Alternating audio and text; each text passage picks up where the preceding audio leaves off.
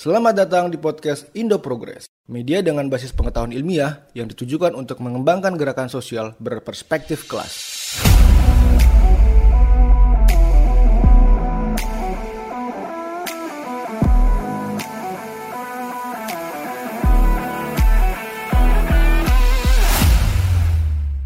Halo pemirsa IPTV, jumpa lagi kita di Forum Indo Progress bersama saya Kunusen Ponto. Uh, forum kali ini kita akan mendiskusikan tentang uh, belajar dari kemenangan calon presiden kiri di Kolombia. Uh, seperti yang mungkin kawan-kawan uh, sudah ketahui bahwa pada tanggal 20 Juni lalu di Kolombia, sebuah negara di kawasan Amerika Latin, uh, barusan mengadakan perhelatan pemilu, pemilihan presiden atau pilpres.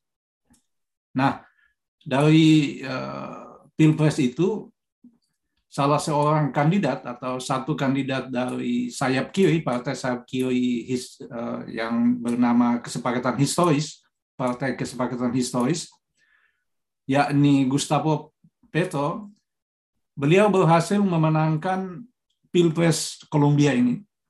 Dan ini adalah satu sejarah yang sangat uh, menarik di Kolombia karena Petro adalah presiden pertama dari sayap kiri yang atau kandidat presiden sayap kiri pertama di Kolombia yang berhasil menang dalam pertarungan uh, pemilu presiden. Kita tahu bahwa Kolombia ini adalah salah satu negara yang merupakan sekutu terkuat atau terdekat di Amerika Latin oleh uh, Amerika Serikat dan di negara ini ada satu pangkalan militer Amerika di sana dan juga uh, penghancuran atau uh, persekusi terhadap gerakan kiri oleh pemerintahan Kolombia sangat-sangat uh, kuat dan terus berlangsung dengan alas berbagai macam alasan entah karena terorisme atau kemudian karena persoalan narkotika dan semua ini sangat mendapatkan dukungan yang sangat kuat dari uh, pemerintahan Washington. Nah, ini kemenangan Petro ini sangat menarik karena uh, dia adalah seorang mantan gerilyawan kombatan, terus kemudian uh, beralih menjadi seorang politisi dan ikut pemilu kota dan berhasil menjadi wali kota di Kolum, salah satu kota di Kolombia dan kemudian dia uh, maju sebagai salah satu capres dari uh, Partai Kesepakatan Historis uh, pemilu yang 2000 dua lalu itu bukan adalah bukanlah pemilu pertama yang di, diikuti oleh Petro, tapi baru pada bulan Juni lalu itulah dia memenangkan uh, pilpres di sana. Nah, uh, kemenangan capres kiri Gustavo Petro ini sangat menarik buat kita untuk kita diskusikan apa kira-kira yang bisa kita pelajari dari uh, kemenangan Petro dan khususnya bagaimana pelajaran tersebut bisa kita aplikasikan atau bisa kita bandingkan dengan upaya kita untuk membangun gerakan kiri di Indonesia. Nah, untuk mendiskusikan soal kemenangan capres kiri di Kolombia ini, bersama saya telah hadir tiga narsum dari uh, partai politik baru di Indonesia yang atau partai politik kiri di Indonesia. Yang pertama adalah Bung Muhammad Rida dari Partai Rakyat Pekerja atau PLP. Kemudian yang kedua adalah Bung Dimitri Dwi Putra dari Partai Hijau Indonesia dan yang terakhir adalah Bung Rudi Hartono dari Partai Prima. Selamat malam Bung, apa kabar semuanya? Malam, ya, kabar ya. baik. Ya, uh, mungkin menarik ya untuk kita ketahui terlebih dahulu apa sih yang menyebabkan atau yang membuat Gustavo Petro ini berhasil keluar sebagai pemenang dalam pemilu presiden di Kolombia yang selama bertahun-tahun atau bahkan berdekade selalu dikuasai oleh pemerintahan sayap kanan. Uh, mungkin saya mulai dari Bung Muhammad Rida, silakan Bung. Ya, uh, terima kasih Kun atas undangannya di sini. Uh, mungkin bagi kawan-kawan yang sudah sempat membaca artikel yang saya tulis di Indo Progress itu sebenarnya saya mau meng-highlight satu dimensi penting dari politik yaitu tentang strategi taktik itu karena uh, salah satu hal yang menjadi concern kita sebagai bagian dari gerakan kiri kan argumentasi tentang politiknya adalah ketika uh, calon atau kandidat atau siapa pun yang berupaya maju dalam kontestasi pemilu membawa agenda pro rakyat itu dianggap sudah mencukupi gitu. Dalam dalam arti uh, apa dalam hal uh, pengalaman Petro tentu adalah ketika dia membawa uh, platform politik uh, neoliber, anti neoliberalisme itu dengan sendirinya mendapatkan simpati dari masa yang juga uh, berkonsekuensi pada apa ya namanya uh, uh, pemilihan si calon anti neolib itu sendiri gitu. Tapi dari pengalaman Petro sepertinya kita perlu melihat secara lebih detail, secara lebih uh, seksama gitu perihal tentang bagaimana sebenarnya uh, kandidasi Petro itu mengupayakan sesuatu yang sebenarnya nggak bisa lagi terbatas pada pengusungan anti agenda eh, anti agenda neoliberalisme. Dan bagi saya itu menjadi catatan penting karena uh, khususnya kalau kita bandingin ke Indonesia ya salah satu hal yang menjadi menjadi daya tarik kiri memang dia uh, mempunyai posisi uh, agenda politik yang selama ini dikenal sebagai anti neoliberalisme gitu. Tapi ketika uh, didorong untuk maksudnya apa di situlah kemudian banyak hal yang yang masih perlu di, diklarifikasi gitu. Dan bagi saya Petro, pengalaman Petro dengan uh, kemenangannya menjadi referensi penting itu bagi uh, upaya klarifikasi mengenai apa yang dimaksud dengan agenda anti uh, neoliberalisme dalam konteks pemilu di mana uh, dia terlibat gitu. Nah, di sini saya mencatat sebenarnya yang yang juga krusial adalah membangun aliansi sosial dalam arti ketika calon kiri maju, dia nggak bisa tergantung pada agendanya doang gitu. Ya tentu kita tahu agenda anti neoliberalisme itu adalah agenda yang penting itu untuk untuk diupayakan. Tapi tanpa uh, ada pula upaya untuk mempersuasi banyak elemen sosial yang ada di masyarakat ya kita bisa lihat dari Pangan Petro yang sebenarnya udah pernah terlibat dalam pemilu presidenan dari tahun 2010, 2014, bahkan dia uh, sempat juga jadi apa wali kota Bogota ya, yang menunjukkan bahwa dia sudah punya platform anti neoliberal yang diterima dalam skala tertentu ya.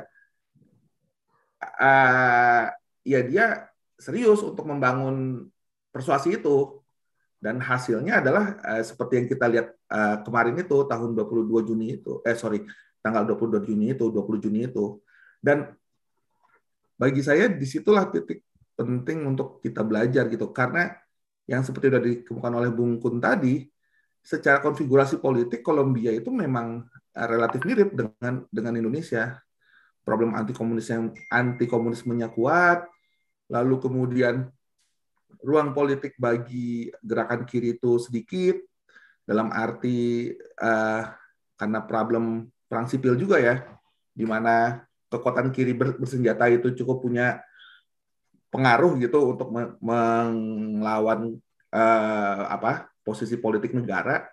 Jadi ada kongruensi dibuat oleh kelas berkuasa bahwa agenda politik kiri itu sama dengan mendukung agenda uh, apa perjuangan bersenjata kelompok-kelompok uh, kiri yang melawan negara itu gitu. Dan apa sih sebenarnya yang yang menjadi titik penting tentang koalisi ini ya berupaya untuk dalam dalam pandangan saya dan ini mungkin bisa terbuka untuk kita perdebatkan berupaya untuk memastikan bahwa semua elemen masyarakat yang tidak puas dengan konsensus neoliberal itu bisa bisa dirangkul. Yang pertama tentu adalah elemen masyarakat yang selama ini dimarginalisasi karena neoliberalisme itu sendiri yang dalam pengalaman Kolombia adalah kelompok masyarakat adat. Selain juga tentu adalah uh, kalangan pekerja itu sendiri gitu ya. Masyarakat adat dan juga kelompok-kelompok lingkungan sebenarnya. Karena uh, praktik neoliberalisme di Kolombia itu yang sebenarnya bukan unik Kolombia ya. Agresivitas neoliberalisme itu memang menghancurkan banyak uh, elemen apa ya elemen sosial dari kelompok-kelompok ini masyarakat adat udah jelas uh, ada bagian dari Kolombia yang menjadi bagian dari Amazon itu uh, dihancurkan hanya karena untuk mendukung agenda akumulasi versi neoliberal. Lalu kemudian kelompok lingkungan yang berapa uh, bertemu dengan kelompok masyarakat adat juga melihat bahwa uh, agresivitas neoliberal menghancurkan uh, kelestarian lingkungan dan udah jelas kelompok pekerja itu sendiri yang adalah uh, menjadi tumbal utama dari agenda neoliberal gitu. Nah, cuman yang juga menarik adalah selain juga yang kita lihat adalah kelompok-kelompok sosial yang selama ini uh, bisa dilihat sebagai kelompok konvensional bagi basis konstituensi apa agenda anti neoliberal, Petro juga berupaya uh, secara strategis membangun aliansi dengan kelompok-kelompok elit sebenarnya. Gitu. Kelompok-kelompok elit yang kita harus ta uh, paham bahwa elit di mana-mana itu nggak ada namanya elit yang tersatukan gitu. Selalu ada faksi dalam tubuh elit, selalu ada faksi dalam dalam kelas kapitalis yang mana dalam konteks uh, apa? Dalam konteks uh, neoliberalisme di Kolombia, faksi-faksi tersebut uh, tidak puas gitu dengan konsensus neoliberal yang pada saat itu diusung oleh Presiden uh, tahun 2010 Uribe yang kemudian mereka menyebut konsensus neoliberalisme itu sebagai Uribe Uribisme gitu. Yang pada dasarnya adalah uh, agenda neoliberal ini hanya bisa diusung oleh faksi uh, elit tertentu yang menjadi bagian dari uh, siapa? Uh, kelompok Presiden Uribe itu. Yang salah satu elemen utamanya bukan cuman bukan cuma pengusaha atau kelas kapitalis tapi juga militer. Gitu. Nah, itulah yang menjadi uh, basis sosial dari konsensus yang kita kenal konsensus neoliberal uh, versi Kolombia itu sendiri gitu. Dan di sinilah kemudian Petro mengupayakan uh, membangun aliansi yang luas untuk mengusung agenda neoliberal gitu. Eh, sorry, mengusung agenda neoliberal. Uh, untuk bisa mendapatkan dukungan dari kelompok-kelompok yang selama ini marginal, salah satu cara yang dilakukan adalah membangun, mendorong atau mengusung uh, calon seperti uh, wakil presidennya sekarang. Siapa namanya? Wakil presiden yang diusung. Ah, saya juga lupa gitu. Oke. Okay.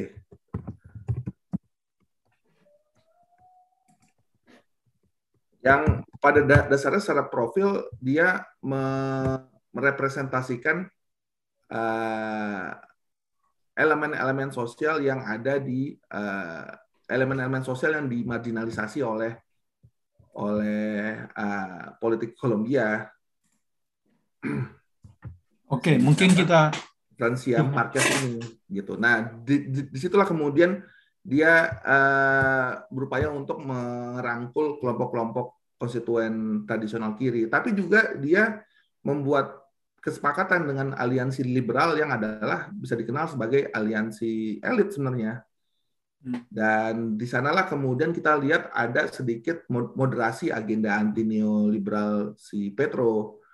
Dia nggak mengusung agenda radikal, tapi lebih moderat dalam rangka bisa mendapat legitimasi dukungan dari kelompok-kelompok yang dikenal elit ini. Dan implikasinya menariknya dia bukan cuma mendapatkan dukungan elit, tapi dia juga mendapat propor, uh, dukungan yang besar dari sekelompok teknokrat yang ada di Kolombia. Dan itulah yang kemudian memperkuat legitimasi uh, apa Petro di hadapan uh, publik yang luas. Bahwa dia bukan cuma beretorika anti neoliberal tapi dia juga dianggap punya kapabilitas punya kredibilitas untuk bisa mengelola negara uh, menjadi direksi yang di luar dari uh, konsensus uh, neoliberal. Nah, ya, itulah yang, kita... yang pengen pengen saya bicarakan dengan uh, artikel singkat saya tentang Petro. Mungkin itu dulu pun kita bisa berbicara lebih lanjut nanti. Oke, uh, terima kasih uh, Wido. Uh, sekarang mungkin uh, saya ke Bung Udi Hartono. Bung Udi ya. silakan mungkin uh, memberikan uh, pemaparannya soal ini. Ya, terima kasih uh, Bung Kun. Uh, belajar dari Kolombia ini memang menurut saya menarik karena dalam banyak diskusi kita sering apa gerakan kiri di Indonesia itu ketika ada eh, pengalaman politik dari negara di luar itu selalu dikata apa di, dihadapkan dengan alasan faktor geografis misalnya lebih kecil atau faktor historis misalnya di sana tradisi kirinya kuat gitu kan. Nah, uh, Kolombia agak berbeda karena secara geografis uh, cukup luas dan secara historis eh, walaupun ada gerakan kiri yang eh, di sana apa namanya eh, melakukan perjuangan bersenjata maupun politik, tapi sentimen anti kiri itu juga cukup kuat. Nah, ada beberapa hal yang saya mau apa namanya highlight dari alam Petro yang mungkin juga bisa relevan untuk kita di Indonesia. Yang pertama adalah bahwa Pertama mungkin kita bicara soal ruang politik bahwa eh, munculnya Petro eh, itu tidak terlepas dari perjanjian damai yang dibuat antara pemerintah Meksiko dengan eh, gerilyawan FARC di tahun 2016 kalau tidak salah. Jadi prosesnya kira-kira mulai 2013 tapi eh, dealnya itu di tahun 2016. Eh, apa konsekuensi dari perjanjian damai ini? Konsekuensinya adalah pertama bahwa ini mengubah uh, perspektif bagi uh, sebagian besar orang Kolombia tentang bahwa kiri itu tidak selamanya bisa diasosiasikan dengan perjuangan bersenjata atau kelompok senjata. Kenapa ini penting? Karena memang di, di seperti yang disampaikan tadi oleh Bung Ida bahwa sentimen anti uh, komunis uh, terutama misalnya FRC di di Kolombia itu cukup kuat gitu kan. Jadi gerakan kiri selalu di, diasosiasikan dengan gerakan bersenjata, komunis ya kan, bahkan membiayai perjuangannya dari perdagangan narkotika dan lain-lain. Jadi perjanjian 2016 itu membuka sebuah ruang politik baru bagi gerakan kiri non bersenjata Eh, walaupun di tahun 60-an sebetulnya sudah sudah ada juga uh, Patrick apa Patriotic Union kalau nggak salah uh, apa uh, sayap sipil dari FARC yang uh, coba ikut dalam uh, politik. Tapi di 2016 ini ruang politiknya lebih terbuka dan uh, pada saat kesepakatan politik itu disepakati antara pemerintah dan FARC ketika itu mau diratifikasi kalau nggak salah dibawa ke referendum itu masih sempat ditolak tuh. Jadi eh, kalau nggak salah lebih banyak yang menolak sekitar 51 persen ketimbang yang yang setuju. Sehingga perjanjian damainya itu direvisi ulang kemudian disahkan oleh eh, Kongres. Dampak yang kedua adalah bahwa eh, ruang terbuka itu kemudian memunculkan ada banyak warna spektrum dari gerakan gerakan politik maupun gerakan sosial, gerakan masyarakat adat, feminis gitu kan, petani, mahasiswa dan lain-lain itu mendapat ruang politik yang yang terbuka. Yang kalau kita hubungkan misalnya dengan konteks Indonesia, ruang politik yang agak terbuka itu bisa dibilang itu terjadi tahun 98 yang yang mungkin nanti bisa menjadi bahan diskusi kita bahwa Eh, setelah dua kali lebih proses ruang, ter, ruang politik yang terbuka ini terjadi di negara kita, gerakan kiri atau gerakan progresif belum uh, begitu apa, maksimal untuk memanfaatkan ruang politik yang yang terbuka ini. Uh, yang kedua, uh, sering dikatakan bahwa kemenangan Petro ini itu terkait dengan krisis neoliberalisme atau Eh, kegagalan sistem neoliberalisme yang menciptakan ketidakpuasan yang meluas di eh, masyarakat Kolombia.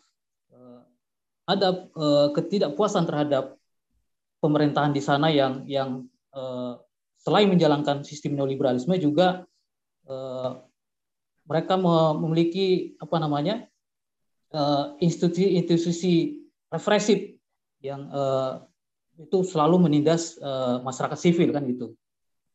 Uh, jadi uh, apa yang kita bisa petik di sana bahwa ada banyak kasus semacam ini, bahkan di Indonesia juga seperti itu. Kita kita boleh bilang bahkan juga misalnya di survei-survei bisa terlihat bahwa sebetulnya ketidakpercayaan terhadap apa ketingkat ketidakpuasan terhadap situasi ekonomi Eh, ketidakpercayaan terhadap institusi-institusi politik itu kan sebetulnya cukup tinggi. Tapi eh, kenapa situasi eh, krisis ketidakpercayaan itu tidak melahirkan sebuah gerakan yang besar atau sebuah blok politik yang kuat? Sangat berbeda di di di Kolombia. Kalau di Kolombia itu yang saya baca memang tingkat kepercayaan publik terhadap institusi politik terutama belakangan ini di bawah pemerintahan yang siapa uh, Ivan Ivan Dekui kalau nggak salah itu cuma sekitaran 18 persen. Ada sebuah survei yang menyampaikan bahwa tingkat kepercayaan publik Kolombia terhadap institusi politik itu hanya di sekitar 15 persen. Pemilu-pemilunya itu tingkat partisipasinya hanya uh, di bawah 50 persen. Pemilu yang diikuti Petrola yang agak tinggi, 2000 16 eh 2018 kalau tidak salah dan 2022 itu eh, di atas 50 persen. Nah, di di sana juga ada banyak aspirasi dari kelompok-kelompok eh, marginal pro Amerika apa pro Kolombia gitu kan masyarakat adat eh, eh, petani dan lain-lain itu yang yang selama ini tidak mendapat saluran politik. Nah, apa yang menarik dari eh, Petro adalah bahwa dia bisa menghadirkan sebuah eh, alat politik, dia bisa menghadirkan sebuah alternatif sekaligus bisa menciptakan sebuah harapan kan gitu. Jadi kalau nggak salah eh, eh, sebelum apa partai yang dia dia dia dirikan sekarang ini, faktor historiko itu itu uh, sebetulnya kalau kita telusuri itu ada kaitannya dengan proses pencalonan dia di di pilkada Bogota kan gitu. Jadi uh, ada sebuah proses pembangunan politik yang yang sebetulnya tidak terlalu lama ya sekitar 2013 2014 yang itu uh, outputnya uh, sekarang ini menjadi sebuah kekuatan politik uh, alternatif. Kemudian yang ketiga adalah soal bagaimana membangun narasi atau kalau dalam istilah uh, cantal move itu bagaimana menciptakan garis pembatas. Ada satu diskusi Petro yang saya pikir cukup menarik di Demokrasi No kalau nggak salah. Dia bilang gini, uh, pemba garis pembatas antara kiri dan kanan yang yang yang itu warisan abad 20 itu sudah tidak relevan. Uh, dan sekarang uh, kita harus menciptakan garis pembatas baru dan dia menyebutnya antara uh, politik kehidupan uh, versus politik kematian. Jadi uh, politik kehidupan itu adalah uh, situasi yang damai. Secara politik dia uh, menawarkan politik yang yang yang, yang inklusif gitu kan, dialogis, tidak ada lagi uh, konflik gitu kan, uh, dialog. Secara ekonomi dia menjanjikan bagaimana Kolombia itu keluar dari model ekonomi ekstraktif yang bergantung pada ekstraktif ke pembangunan industri yang berbasiskan pada eh, SDM dan menghargai lingkungan. Jadi ada visi tentang uh, lingkungan apa namanya uh, ekonomi yang berkelanjutan, uh, pro lingkungan dan lain-lain. Jadi dia mencoba menciptakan garis pembatas baru yang kalau dalam diskusi-diskusi uh, kiri saya pikir ini bukan hal yang yang baru gitu kan jadi misalnya eh, Partai Sosial Demokrat di tahun 80-an pun eh, itu mencoba menciptakan eh, narasi bahwa pertarungan dunia sekarang itu bukan lagi antara kiri dan kanan, tapi antara kebijakan ekonomi yang baik dengan kebijakan ekonomi yang yang yang buruk gitu kan, atau di banyak tempat misalnya antara segelintir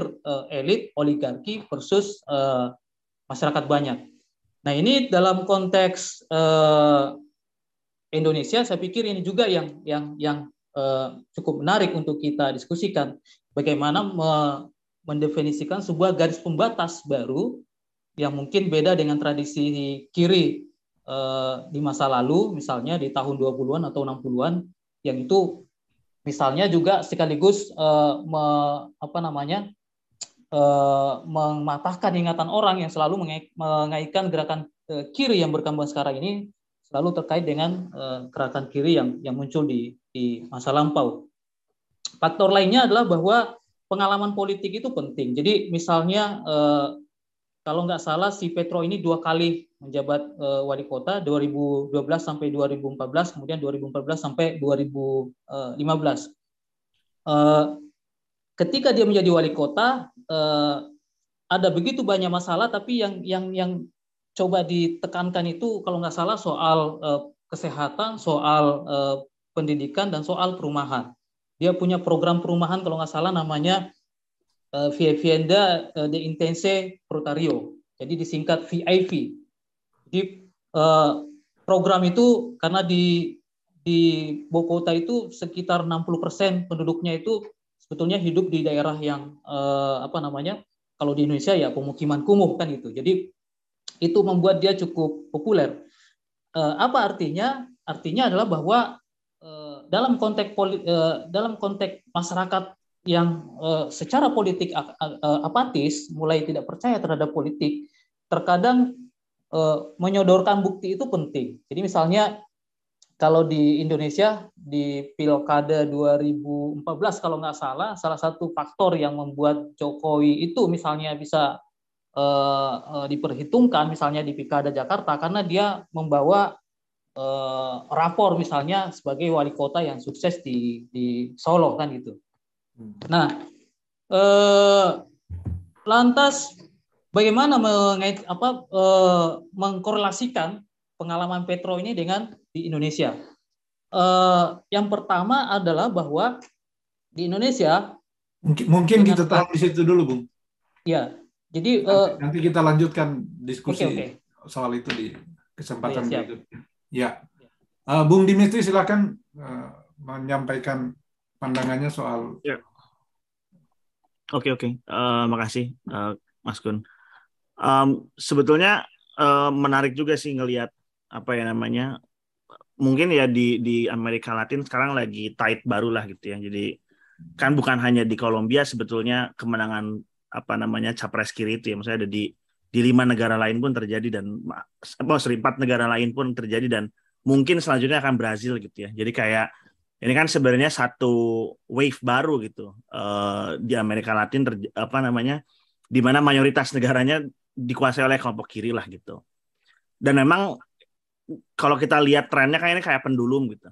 Uh, eh, 2010 ke atas ya itu memang masanya kelompok kanan gitu sampai hari ini gitu The, sebelumnya di tahun 2000-an juga 2000 2006 malah itu kalau masanya kelompok kiri terus ya istilahnya pendulum lah di sana gitu ya dari kelompok kiri ke kanan sekarang ke kiri lagi dan ya kita bisa lihat bahwa itu sebetulnya hasil dari kekecewaan publik lah uh, terhadap uh, kebijakan-kebijakan neoliberal gitu. Dan emang yang yang menarik adalah kalau di konteks kita gitu ngelihatnya karena partai hijau ini kan partai yang global ya artinya ya di setiap di setiap negara ada partai hijau gitu. Tahun 2018 partai hijau Kolombia itu tidak mendukung Petro malahan gitu. Malah berseberangan. Jadi partai hijau Kolombia Alianza Verde itu malah mendukung calon dari kelompok yang sentris kanan lah gitu ya.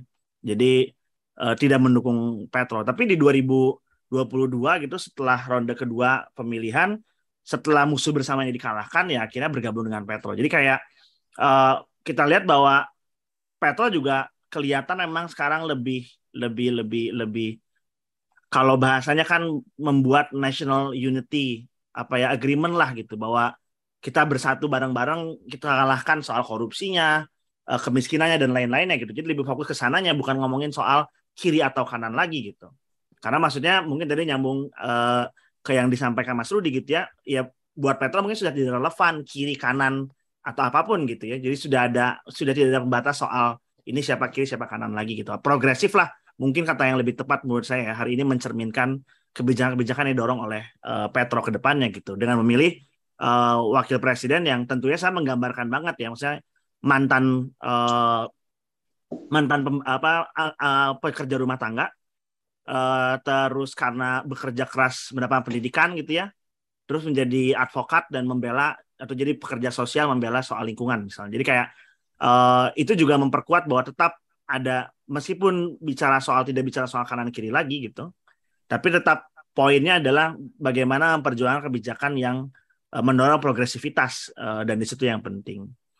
Uh, memang kalau kita lihat ke ke Indonesia, menurut saya memang uh, memang ada ada ada perbedaan ada gap yang uh, di sini mungkin tidak di exercise gitu ya. Uh, 10-20 tahun terakhir kita sangat jarang atau sangat tidak bisa melihat adanya partai yang berharuan kiri masuk kontestasi politik. Sedangkan kalau kita bicara soal uh, Kolombia gitu ya seperti yang disampaikan bahwa Petro udah dua kali nyapres gitu bahkan dia udah pernah jadi mayor of Bogota dulu gitu. Ya kalau di Indonesia kita lihat ya, ya presiden itu kan tidak ada juga sebetulnya itu yang yang menjadi salah satu faktor sebetulnya kenapa uh, saya pikir mungkin kalau di konteksnya kita 2024 jadi momen gitu. Ada teman-teman prima ada uh, partai buruh gitu ya uh, yang bisa menjadi tonggak lah uh, untuk bisa jadi pintu masuknya teman-teman uh, gerakan sosial uh, lalu juga kelompok kiri untuk bisa mewarnai gitu. Karena yang kita lihat uh, kayak perjuangan teman-teman kiri di di Amerika Latin itu udah panjang sekali ya dari tahun 80-an melawan diktator terus tahun 2000-an melawan neolib gitu ya. Dan itu memang proses panjang. Brazil Lula da Silva empat kali ikutan pemilu menang di keempat kalinya gitu. Ya hal yang sama terjadi sama Petro gitu.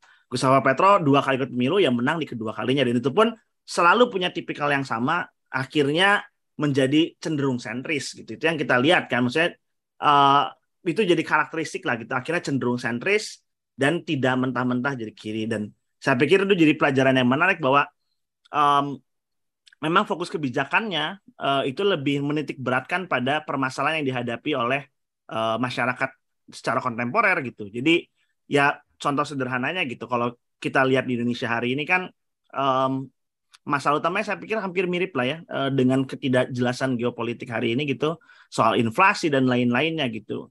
Artinya kan publik sebetulnya mengharapkan kebijakan yang bisa berpihak pada mereka dan bukan pada pengusaha gitu. Itu saya pikir kenapa kebijakan neolib menjadi tidak relevan buat publik lagi gitu. Karena uh, hari ini yang jadi masalah adalah bagaimana kita bisa bertahan hidup, bagaimana kebutuhan sehari-hari terpenuhi, bagaimana uh, lapangan pekerjaan tetap terbentuk tapi tidak jahat gitu ya. Lalu juga ditambah isu baru sebetulnya yang yang yang tumbuh apa 5 atau 10 tahun belakangan soal lingkungan. Ya mungkin di masa-masa lampau gitu uh, itu tidak menjadi satu soal yang serius lah gitu dianggap mungkin perjuangan kelompok kiri tahun 80-an atau 2000 tidak tidak melihat itu se sebegitu kerasnya ya soal soal lingkungan. Hari ini kan itu menjadi relevan sekali gitu. Dan itu saya pikir menjadi alasan kenapa contohnya ya Partai Hijau mendukung Petro dengan landasnya yang lebih sentris karena Partai Hijaunya uh, Alianza Verde itu sebetulnya cenderung lebih ke liberal Greens gitu. Jadi ya inilah keunikannya Partai Hijau juga gitu ya di mereka punya nilai-nilai yang berbeda gitu. Kalau di Indonesia mungkin kita lebih progresif kiri gitu, tapi kalau Partai Hijaunya di uh, Kolombia itu sangat sebenarnya liberal Greens gitu. Itu yang membuat bertolak apa tidak mengusung Petro di 2018 misalnya. Tapi hari ini dengan Petro yang mengusung lebih sentris, maka uh, bisa inline lah dengan kebijakannya Petro.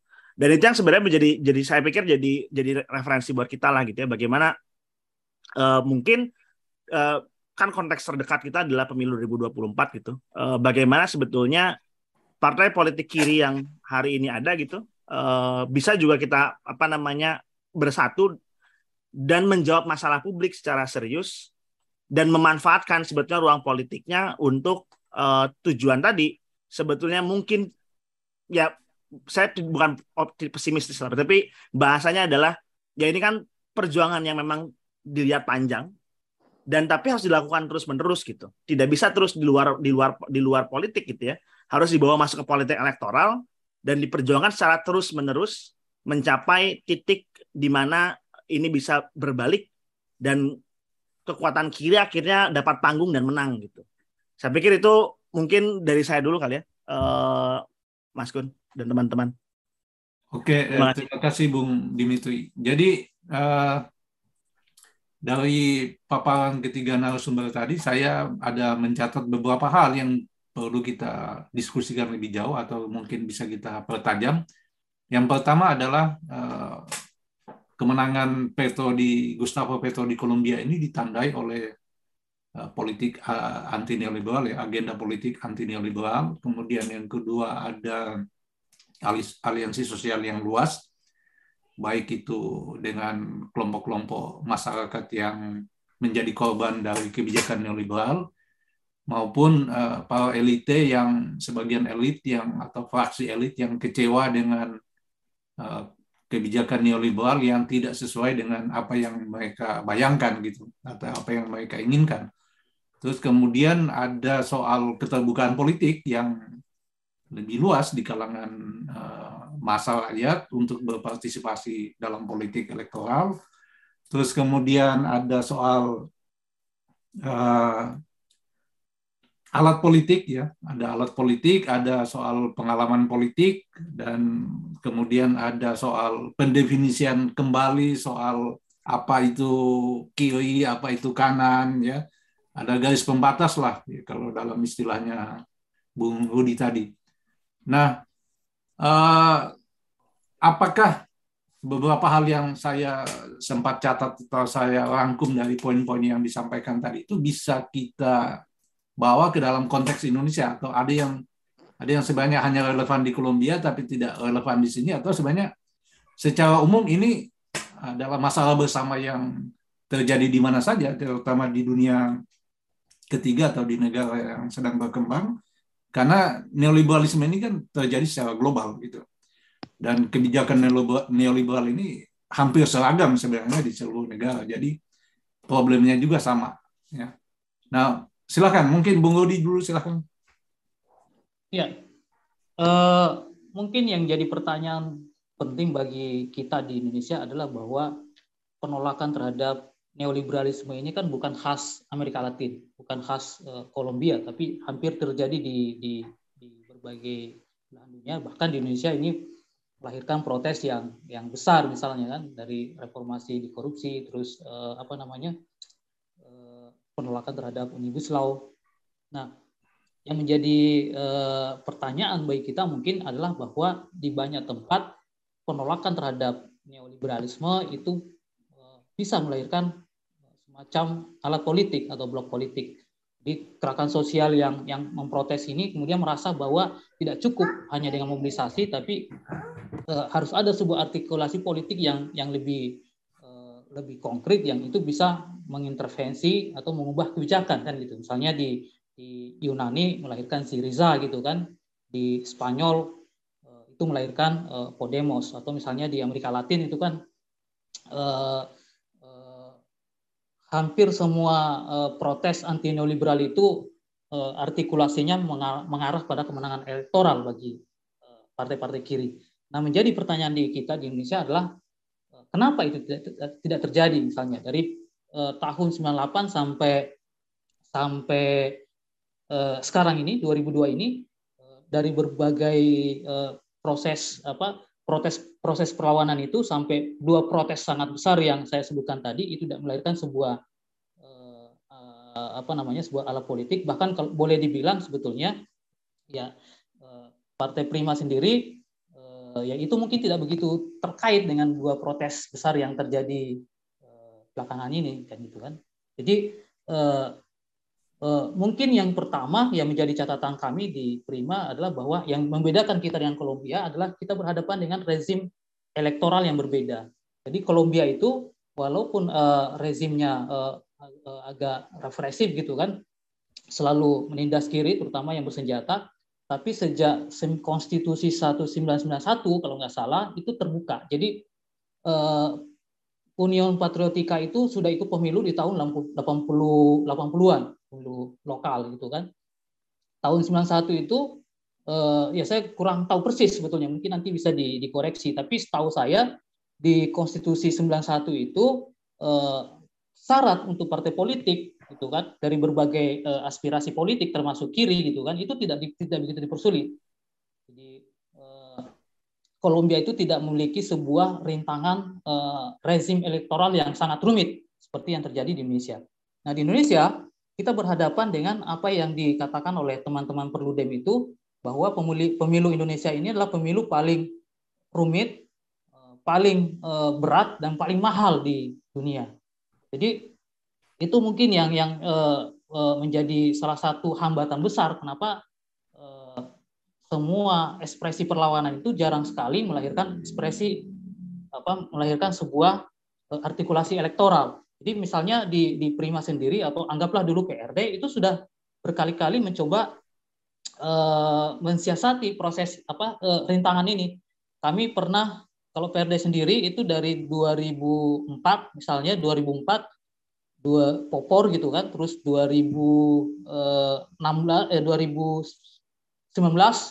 Pernas gitu kan itu semua gagal jadi kita berkali-kali membangun ala politik eh, eh, perspektifnya kita buat sangat luas gitu kan eh, platformnya kita buat sangat sesentris mungkin seperti yang dibilang tadi tapi juga tidak tidak berhasil menjadi kabar baik bagi orang sehingga itu menjadi sebuah ala politik yang didukung bersama. Nah, kita juga mencoba taktik lain misalnya diaspora. Jadi ya udah tidak persoalan dengan alat, yang penting kita bisa me, me, menitipkan dulu orang-orang gitu kan di di di apa di di di parlemen gitu kan, terutama di parlemen lokal. Tapi yang menjadi persoalan atau yang menjadi catatan adalah bahwa Eh, ada ruang politik yang sangat terbatas ketika ala politik itu bukan ala politik kita sendiri kan gitu. Jadi pertama eh, mungkin itu soal apa namanya ya hampir semua partai itu tidak ada yang dikelola secara demokratis. Jadi sangat sulit sangat sulit misalnya eh, kandidat-kandidat yang progresif atau kita menitipkan kandidat yang progresif untuk bisa ber, ber apa namanya Eh, bermanuver atau membuat agenda-agenda progresif di partai-partai yang ada sekarang ini. Karena secara pertama mereka tidak dikelola secara demokratis. Yang kedua mereka sebetulnya memang nggak punya kepedulian dengan agenda eh, kerakyatan. Ya kepentingan mereka hanya memenangkan orang gitu kan. Menangkan kepentingan mereka gitu kan jadi itu yang kemudian dari berbagai percobaan itu kita mencoba lagi misalnya sekarang ini dengan uh, partai prima yang memang partai ini kita desain se apa istilahnya itu selentur mungkin gitu kan. Jadi misalnya di di prima ini akhirnya kita platformnya adalah siapa pun gitu kan siapa pun yang yang mendukung platform uh, politik prima kita kita terbuka. Jadi uh, mau itu bekas uh, militer gitu kan, mau itu uh, bekas birokrat atau mungkin apa namanya apa namanya dulu pernah menjadi bagian dari partai lain terus pindah ke partai kita itu akhirnya kita terima. Kita terima dengan harapan bahwa katakan di di pemilu ini untuk bisa memenuhi syarat yang sangat berat gitu kan 100% kepengurusan provinsi 75% kepengurusan kabupaten di setiap provinsi terus 50% kecamatan di tiap kabupaten, seperseribu KTA, belum lagi urusan administrasinya. Jadi membutuhkan begitu banyak eh, orang dengan struktur yang sangat luas gitu kan di seluruh Indonesia. Sedangkan jaringan kita itu mungkin tidak pernah sampai ke titik-titik itu gitu kan. Jadi kita butuh banyak tangan orang lain, misalnya di luar jaringan-jaringan kita jadinya. Dan itu memang menuntut kita untuk menjadi agak agak lentur gitu kan. Ya. Itu itu okay. yang eh, percobaan yang yang sekarang ini kita lakukan. Oke, okay. nah, saya soal saya tangkap dulu ya apa yang uh, disampaikan oleh Bung Udi tadi bahwa ada keinginan untuk uh, membuka diri yang lebih luas ya, ada kepentingan yang dirasakan penting dan mendesak uh, tentang pembangunan aliansi itu, tetapi uh, faktanya adalah ruang politik elektoral ini memang sangat terbatas. Nah, Bung Dimitri tadi Anda sudah cerita soal bagaimana pengalaman Partai Hijau di di Kolombia yang semula tidak mendukung Petro di pilpres sebelumnya dan kemudian beralih mendukung Petro gitu di pemilu 2022 lalu. Nah, kalau ini dibawa ke dalam konteks Indonesia dan Anda sudah mendengar apa yang disampaikan oleh Bung Rudi tadi tentang eh, kesulitan administratif ya bukan bukan hanya politik ya, tapi terutama kesulitan administratif bagi uh, gerakan kiri yang ingin terlibat dalam proses elektoral di Indonesia. Apa kira-kira yang bisa menjadi uh, hal yang Anda pikirkan pengalaman Kolombia tadi bisa beresonansi dengan pengalaman Indonesia? Eh, sebetulnya uh, it, apa ya? Sebenarnya ada yang menarik soal ini salah satu hal yang maksudnya Partai Hijau alami lah gitu ya dalam prosesnya gitu. Uh, ini ada ada satu hal yang sebetulnya sangat mengkhawatirkan buat saya sebetulnya gimana sangat rendah partisipasi publik gitu ya. Uh, artinya di level individual untuk mau menjadi anggota partai politik. Itu saya pikir menjadi satu dasar yang membedakan gitu ya antara uh, mungkin Amerika Latin uh, dengan sudah terbuka gitu secara secara politik gitu ya. Uh, di Indonesia ini kan sebetulnya politiknya administratif gitu. Jadi memang untuk bisa berpolitik dibuat seadministratif mungkin, seribet mungkin untuk bisa berpartisipasi. Gitu. Jadi bukan bukan soal politiknya gitu, tapi soal administrasinya dulu baru politik gitu. Uh, tapi di sebaliknya gitu dengan kondisi masyarakat kita yang sangat sangat saya pikir bukan bukan non partisan tapi tidak mau punya identitas partai politik karena memang uh, masalahnya gini kan berpolitik itu sudah dijauhkan dari kehidupan publik kita gitu ya selama berpuluh-puluh tahun yang membuat orang merasa jadi berpolitik itu satu hal yang tabu gitu. Dan itu sangat berbeda dengan konteks Amerika Latin saya pikir gitu ya, di mana ya partai buruh sudah tumbuh dari dulu karena emang mereka merasa ya kalau kita mau berjuang ya lewat politik gitu. Di mana gerakan sosial juga sama menilainya bahwa kalau kita mau melakukan perubahan sosial ya lewat politik. Kan kebalikannya di Indonesia gitu. Itu masalah yang saya pikir sangat fundamental untuk tumbuh kembangnya gerakan politik uh, progresif gitu ya. Uh, melalui uh, pemilihan elektoral gitu. Yang saya pikir ya kita baru lihat hasilnya hari-hari inilah gitu. Ada partai Prima, ada partai buruh, uh, buruh itu pun masih harus lewat proses verifikasi lagi yang tahapannya itu masih sangat saya pikir ya mungkin nanti Bung Rudi bisa cerita sendiri gitu. Sangat rumit dan sangat panjang gitu. Bahkan di titik itu saja kita uh, sulit sebetulnya. Tapi pembelajarannya kan kalau saya tadi dari awal saya selalu bilang bahwa ya ini memang kalau saya selalu bilang ke di publik gitu ya memang Partai Hijau mengambil jalan yang kesabaran yang revolusioner lah gitu ya. Untuk membangun gerakannya secara perlahan. Karena kita paham banget gitu seminim itu orang yang sebetulnya mau jadi anggota. Ini contoh lah kalau di PHI itu kita memang tidak segencar teman-teman Prima atau Partai Buruh gitu ya. Anggota kita itu sekarang mungkin masih seribuan gitu. Dan itu susah kali susah sekali bergerak dari angka itu untuk naik naik naik naik Sedangkan minimum anggotanya itu 130 sampai 300 ribu gitu untuk bisa lolos masuk pemilu. Nah, itulah kenapa misalnya contoh di kita gitu, kalau di Partai Hijau ngelihat sebetulnya ruang-ruang politik eh, apa kelompok progresif itu sebenarnya banyak di luar dari partai politik. Contohnya misalnya eh, Partai Hijau pernah exercise itu di tahun 2019 ya. Kita mendorong dua kandidat, uh, sorry, tujuh kandidat uh, DPD RI gitu. Saya yakin orang pasti akan bertanya gitu, ngapain masuk DPD nggak ada powernya karena Senat itu di Indonesia kan ya cuman badan legislasi yang ya dibikin-bikin aja gitu. Tapi yang sebetulnya kita tidak sadari adalah tadi momen-momen politik elektoral sebetulnya harusnya jadi momen untuk kita bisa memperkuat. Karena ya Gustavo Petro pun sekarang jadi senator setelah jadi mayor Bogota gitu. Dan sebetulnya gitu di luar partai politik ada banyak sekali ruang-ruang politik lainnya yang bisa kita maju secara independen misalnya. Contoh misalnya maju wali kota independen, maju gubernur independen, ada banyak sekali ruang-ruang politik elektoral yang bisa diambil untuk secara apa namanya tahap bertahap gitu ya, terus menyiarkan dan mengabarkan soal manifesto atau kebijakan-kebijakan yang progresif. Karena kalau kalau saya pikir ini ruang utamanya kan di sana gitu ya. Jadi publik akan mengetahui secara lebih luas lagi soal kebijakan-kebijakan yang progresif soal mungkin soal tokoh-tokoh kirinya, tokoh-tokoh progresifnya siapa saja gitu.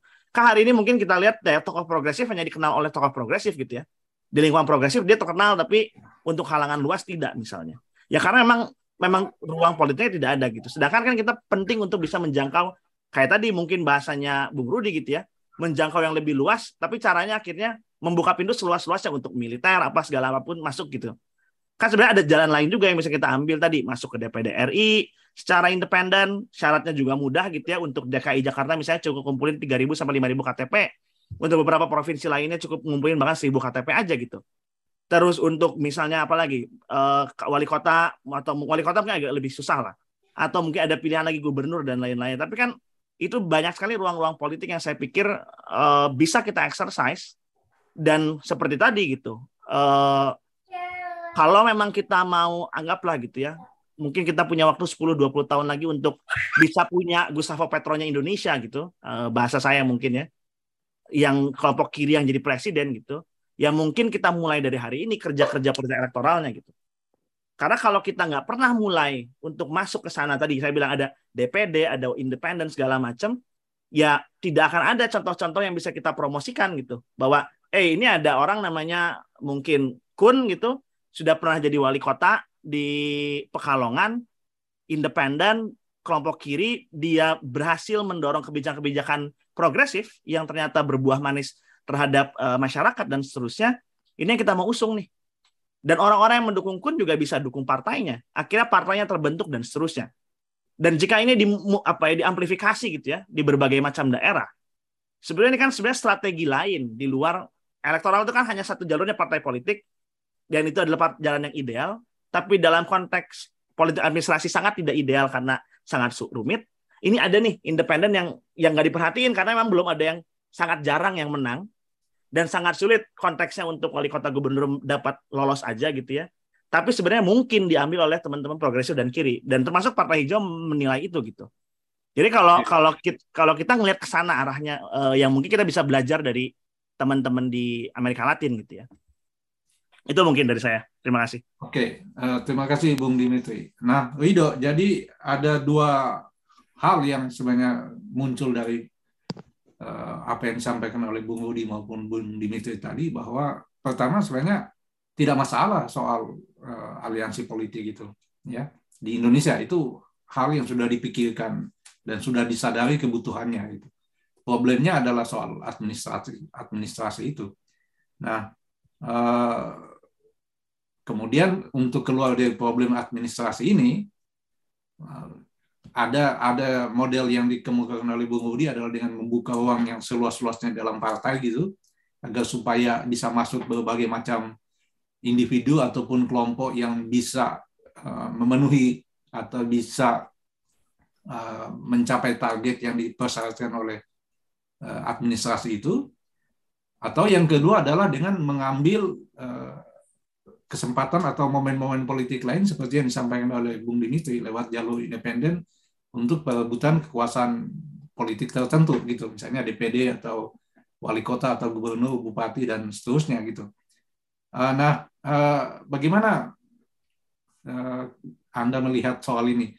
Apakah memang situasi politik di Indonesia ini sangat menyulitkan bagi kelompok progresif atau kiri atau sebenarnya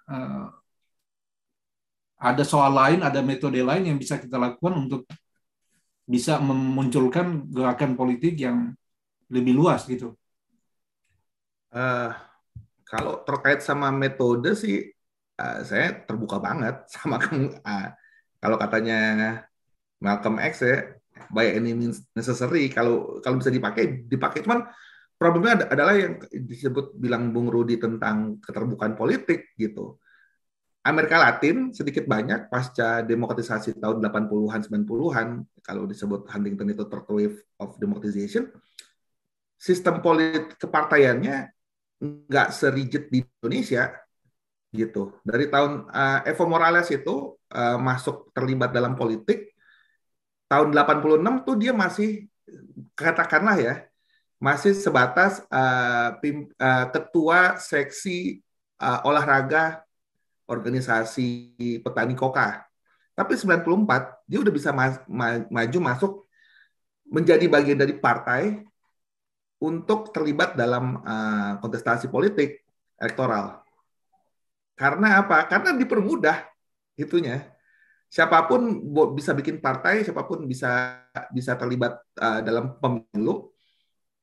Ya hanya dengan beberapa ketentuan administratif yang nggak yang nggak berat karena prinsip demokrasinya itu yang yang setelah di Amerika Latin berhasil dimenangin sama sama kelompok-kelompok progresif dia nggak boleh memper, memper, uh, mempersulit untuk masuk gitu dan kebetulan prinsip demokrasi itu diterima juga sama uh, kelas kapitalis yang ada di Amerika Latin yang kebetulan pada saat itu memang sangat terfragmentasi gitu. Nah, agenda tentang tentang apa uh, kemudahan untuk berpartai ini yang yang hilang sebenarnya.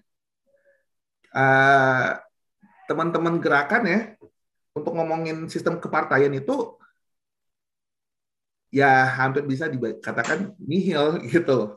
Untuk advokasi reformasi kepartaian yang mudah ini enggak nihil sama sekali.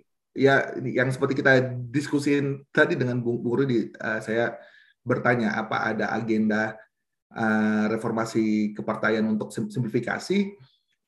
Uh, mohon maaf Bung, tapi untuk sebatas menjadi uh, advokasi via MA itu nggak mencukupi karena kita sudah di konstruksikan sudah dibatasi, sudah di di apa ya? dibatasi aspirasi kemudahan berpartai ini dalam sebatas apakah uh, tuntutan kita diterima oleh MK atau enggak. Padahal bukan bukan itu. Kita mau reformasi menyeluruh yang mana dimungkinkan adanya reformasi kebijakan semacam undang-undang sebenarnya. Gitu dan itulah butuh butuh partai gitu. Nah, di sini kan kita melihat ada lingkaran setannya. Tapi buat saya 2024 ini ketika ada kemungkinan bahwa elemen gerakan sudah mulai bisa me, apa ya uh, secara strategis menyikapi situasi yang ada sekarang yang sangat terbatas ini, ya agenda itu yang harus diperjuangin, mempermudah pembentukan partai. Karena kalau itu nggak ada, ketika masuk siklus uh, elektoral yang baru, problem kita akan sama terus gitu loh. Jadi dan sayangnya uh, partai yang ada sekarang dari gerakan juga masih masih sedikit untuk membicarakan kemungkinan untuk uh, mengubah kebijakan kebijakan uh, kepartaian ini gitu. Itu yang itu yang pertama. Yang kedua adalah uh, apa ya? terkait sama membuka diri seluas-luasnya tentu itu adalah itu adalah politik gitu nggak nggak ada uh, berpolitik kita berada dalam ruang vakum. Tapi sebenarnya pertanyaan utamanya adalah apa sih yang membuat gerakan kiri itu punya posisi yang berbeda dengan uh, gerakan yang katakanlah yang kanan ketika dia membuka karena yang kanan pun juga sama PKB sendiri bilang bahwa dia adalah partai hijau ya kan gitu loh terus kemudian Demokrat juga bilang dia nasionalis religius. Ya itu kan sebenarnya uh, tendensi yang terjadi di mana-mana. Tapi yang membedakan gerakan kiri dengan dengan yang lain adalah komitmen mereka yang kuat terhadap demo, demokrasi. Dia membuka ruang untuk semuanya, tapi ketika dia mengusung satu program, program politik, agenda demokrasinya itu harus harus diperluas. Dia nggak akan ber, dia boleh masukin genderuwo ke dalam gitu. Tapi nggak nggak bisa si genderuwo ini menegasikan bahwa kita punya komitmen untuk perluasan agenda demokrasi dan itu yang membedakan uh, gerakan-gerakan uh, kiri yang yang kita lihat di Amerika Latin dengan dengan banyak gerakan yang mengaku kiri di di Eropa. Misalnya gini, ketika Petro mengusung moderasi, moderasi kebijakan ekonomi, itu kan sebenarnya bukan bukan hal yang bukan hal yang baru ya si katakanlah kayak Joe Biden, dia kan kanan nih. Dia juga melakukan moderasi uh, ekonomi sebenarnya, eh moderasi kebijakan dengan memasukkan banyak eh, tuntutan-tuntutan yang berasal dari kelompoknya Bernie Sanders gitu ya. Tapi dia tetap kanan. Nah, di Amerika Latin dibikin moderasi, tapi dia bisa mem mem mempertahankan agenda kirinya apa? Memperluas ruang partisipasi Petro itu ya, salah satu hal yang menarik buat, buat saya adalah ketika dia berbicara tentang peace, bicara tentang perdamaian, dia nggak dalam maksudnya dalam konstruksi konstruksi abstrak. Tahun 2016 di mana Kolombia berhasil memutuskan untuk mengapa kesepakatan damai, kita harus lihat itu bukan kesepakatan yang sifatnya uh, disepakati oleh semuanya. 2016 bahkan sampai 2022 kemarin masih ada aktivis kiri FARC yang dibunuh oleh ya kita bisa menyebutnya katakanlah uh, oknum militer atau siapa pun ya. Tapi itu kita harus lihat 2016 sampai 2022 yang disebut dengan kesepakatan damai itu nggak nggak berlaku secara efektif gitu. Dan itu ruang politik yang sebenarnya secara real bisa dibilang masih sama seperti apa yang terjadi sebelum ada uh, kesepakatan damai. Walaupun secara formal tentu ada pengakuan bahwa oh organisasi uh, bekas anggota FARC dimungkinkan untuk terlibat dalam politik. Ya nggak ada. Cuman ketika udah berpolitik bahkan Petro sendiri di bawah ancaman senjata. Yang mengancam dia adalah militer. Kalau teman-teman ngelihat pada bagaimana dia kampanye pada saat itu sampai harus disiapkan apa tameng anti senjata kok di atas panggung gitu. Nah itu yang um, saya nggak terlalu setuju untuk untuk uh, walaupun secara retorika uh, sah-sah aja ya kayak misalkan kita harus bikin uh, pembelahan politik baru bukan bisa lagi ngomongin kanan kiri. Enggak. Secara prinsip itu harus harus dipegang. Walaupun secara retoris ya bisa aja kita bukan kanan kita ini adalah bakwan atau apa terserah lah. Karena itu tergantung dari hitungan politik. Tapi prinsip politiknya adalah komitmen tinggi terhadap demokratisasi, komitmen tinggi terhadap demokrasi, yang implikasinya adalah kita akan melakukan moderasi, nggak ada masalah, tapi ruang politik rakyat untuk terlibat dalam politik nggak boleh dibatasi. Bahkan ketika kita ber ber berkuasa, harus diperluas. Dan elemen demokrasi itulah yang menurut saya terjadi di semua agenda politik kiri di Amerika Latin. Gitu. Nah, di Indonesia sayangnya adalah agenda anti neoliberalismenya berhenti dalam kerangka ekonomi. Padahal kita semua yang udah pernah terbiasa apa uh, belajar tentang pengetahuan politik kiri, kita tahu ekonomi itu adalah justru jebakan. Kalau kita baca What is to be done Lenin, itu jebakan politik gitu loh. Yang yang uh, apa yang utama justru ada yang di politik, yang itu adalah demokrasi. Dan agenda demokrasi itu yang yang sebenarnya selalu terjadi di mana-mana. Ketika Petro memenangkan uh, mengakui adanya moderasi ya, tapi dia sebenarnya dia mendorong agenda transformasi politik. Uh, kelompok perempuan, kelompok masyarakat adat dikasih ruang sebesar-besarnya untuk terlibat dalam politik uh, pemerintahan Petro yang ekspresinya bisa dilihat uh, dengan dipilihnya si Marquez. Ba bahkan kalau kalau teman-teman sempat ngelihat beberapa hari setelah Petro di apa menjadi pemenang ya, ada momen di mana Marquez ini menyambangi kantor wakil presiden yang harus lengser ya. Yang pertama kali dia salami itu siapa? pelayan rumah yang ada di uh, rumahnya si wakil presiden. Dan itu menunjukkan bahwa simbolik bahwa ketika kita ber, berkuasa, ruang politik kita nggak bisa di, di sebatas pada uh, yang selama ini berpolitik gitu. Nah, di sinilah sebenarnya saya mau balik lagi ke urusan urusan apa uh, sistem politik yang disebut dengan Bung Dimitri membuat semua masyarakat uh, menolak untuk terlibat dalam partai karena merasa politik itu tabu. Ya karena konstruksinya seperti itu dan menjadi kebutuhan kita semua untuk men menerabas konstruksi yang terbatas ini.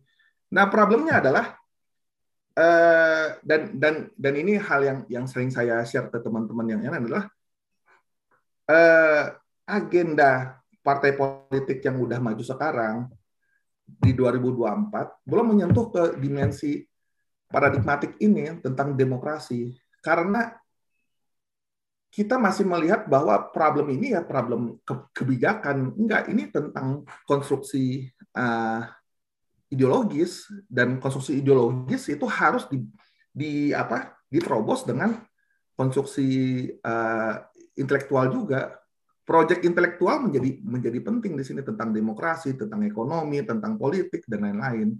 Oke, okay. gitu. Uh, mungkin nanti kita lanjutin ya, lagi. Kita diskusi lagi. Ya. Uh, Bung Odi ada komentar tanggapan terhadap apa yang disampaikan oleh Bung Rido tadi dan Bung ya. Dimitri silakan.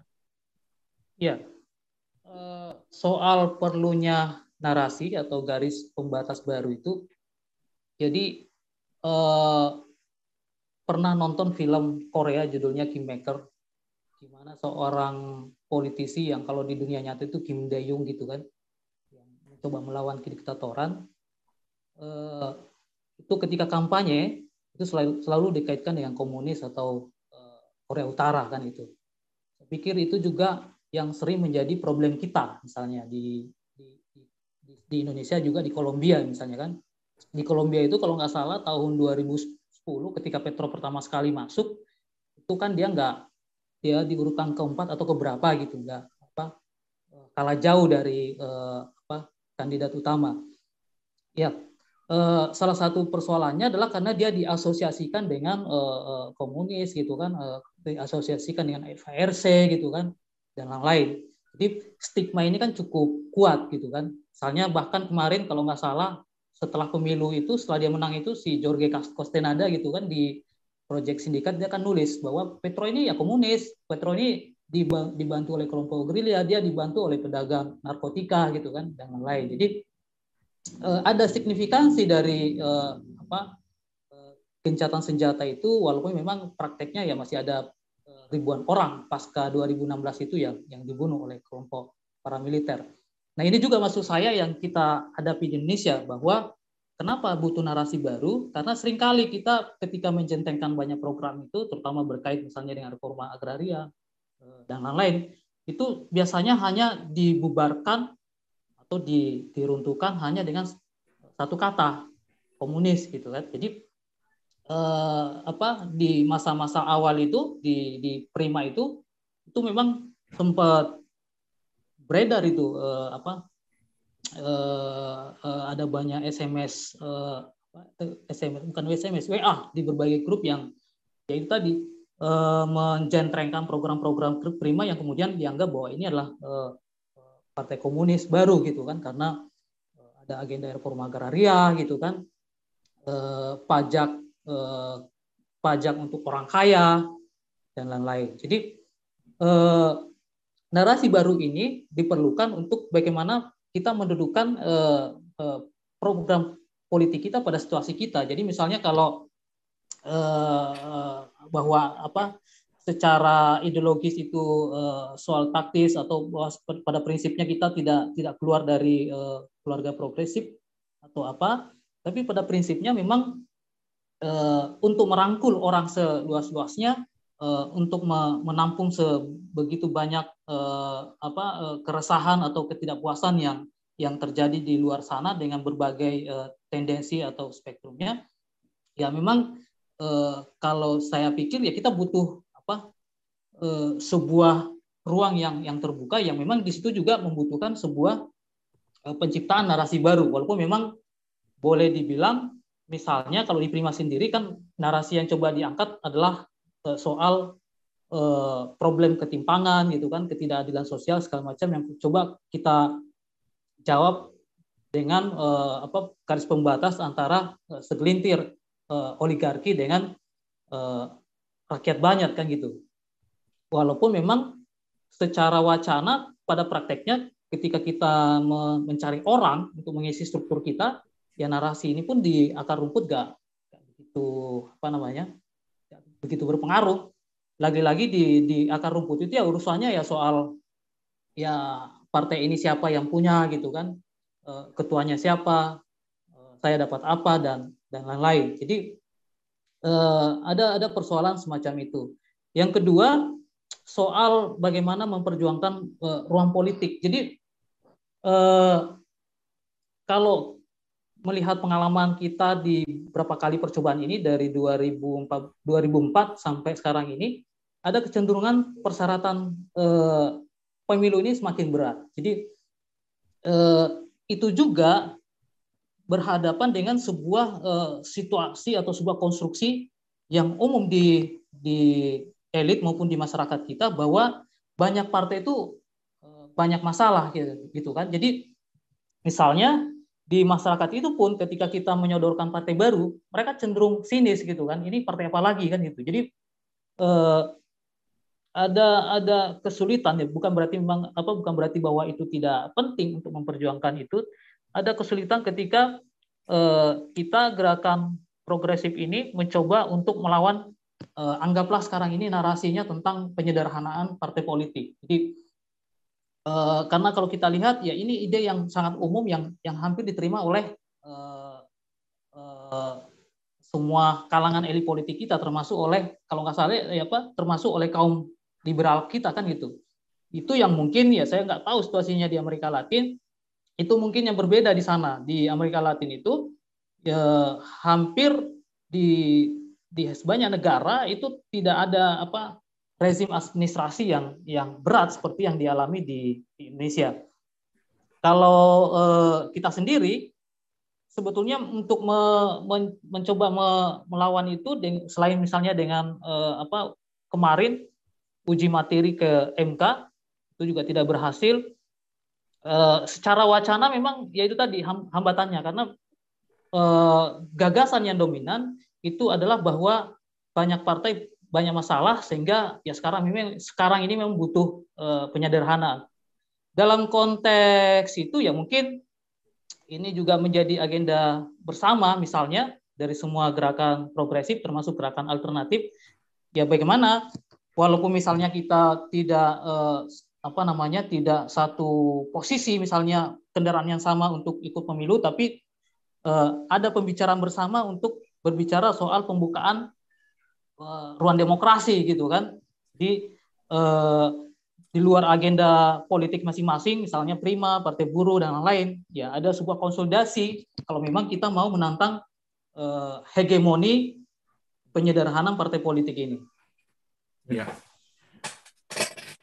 Bung Dim itu ya ada komentar soal ya. ini kayaknya ini persoalannya adalah uh, sangat administratif ya dan ini sangat sangat uh, krusial gitu bagi munculnya kendaraan politik alternatif dari gerakan progresif lah katakanlah seperti itu untuk bertarung secara elektoral gitu. Kalau bikin partai terus nggak ikut pemilu kan lucu gitu, ya kan? Karena ya itu salah satu tujuannya gitu. Ya.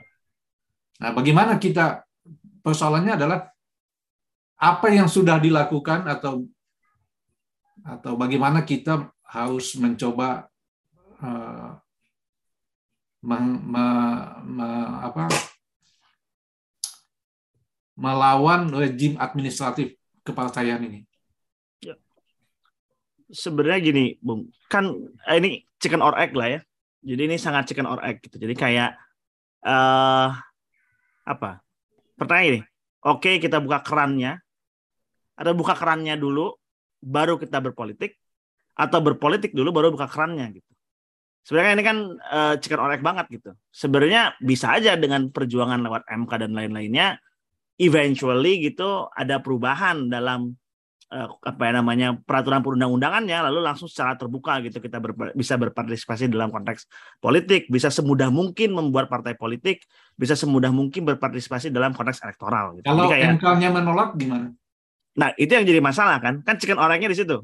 Sedangkan MK balik lagi dipilihnya oleh rezim yang hari ini gitu kan.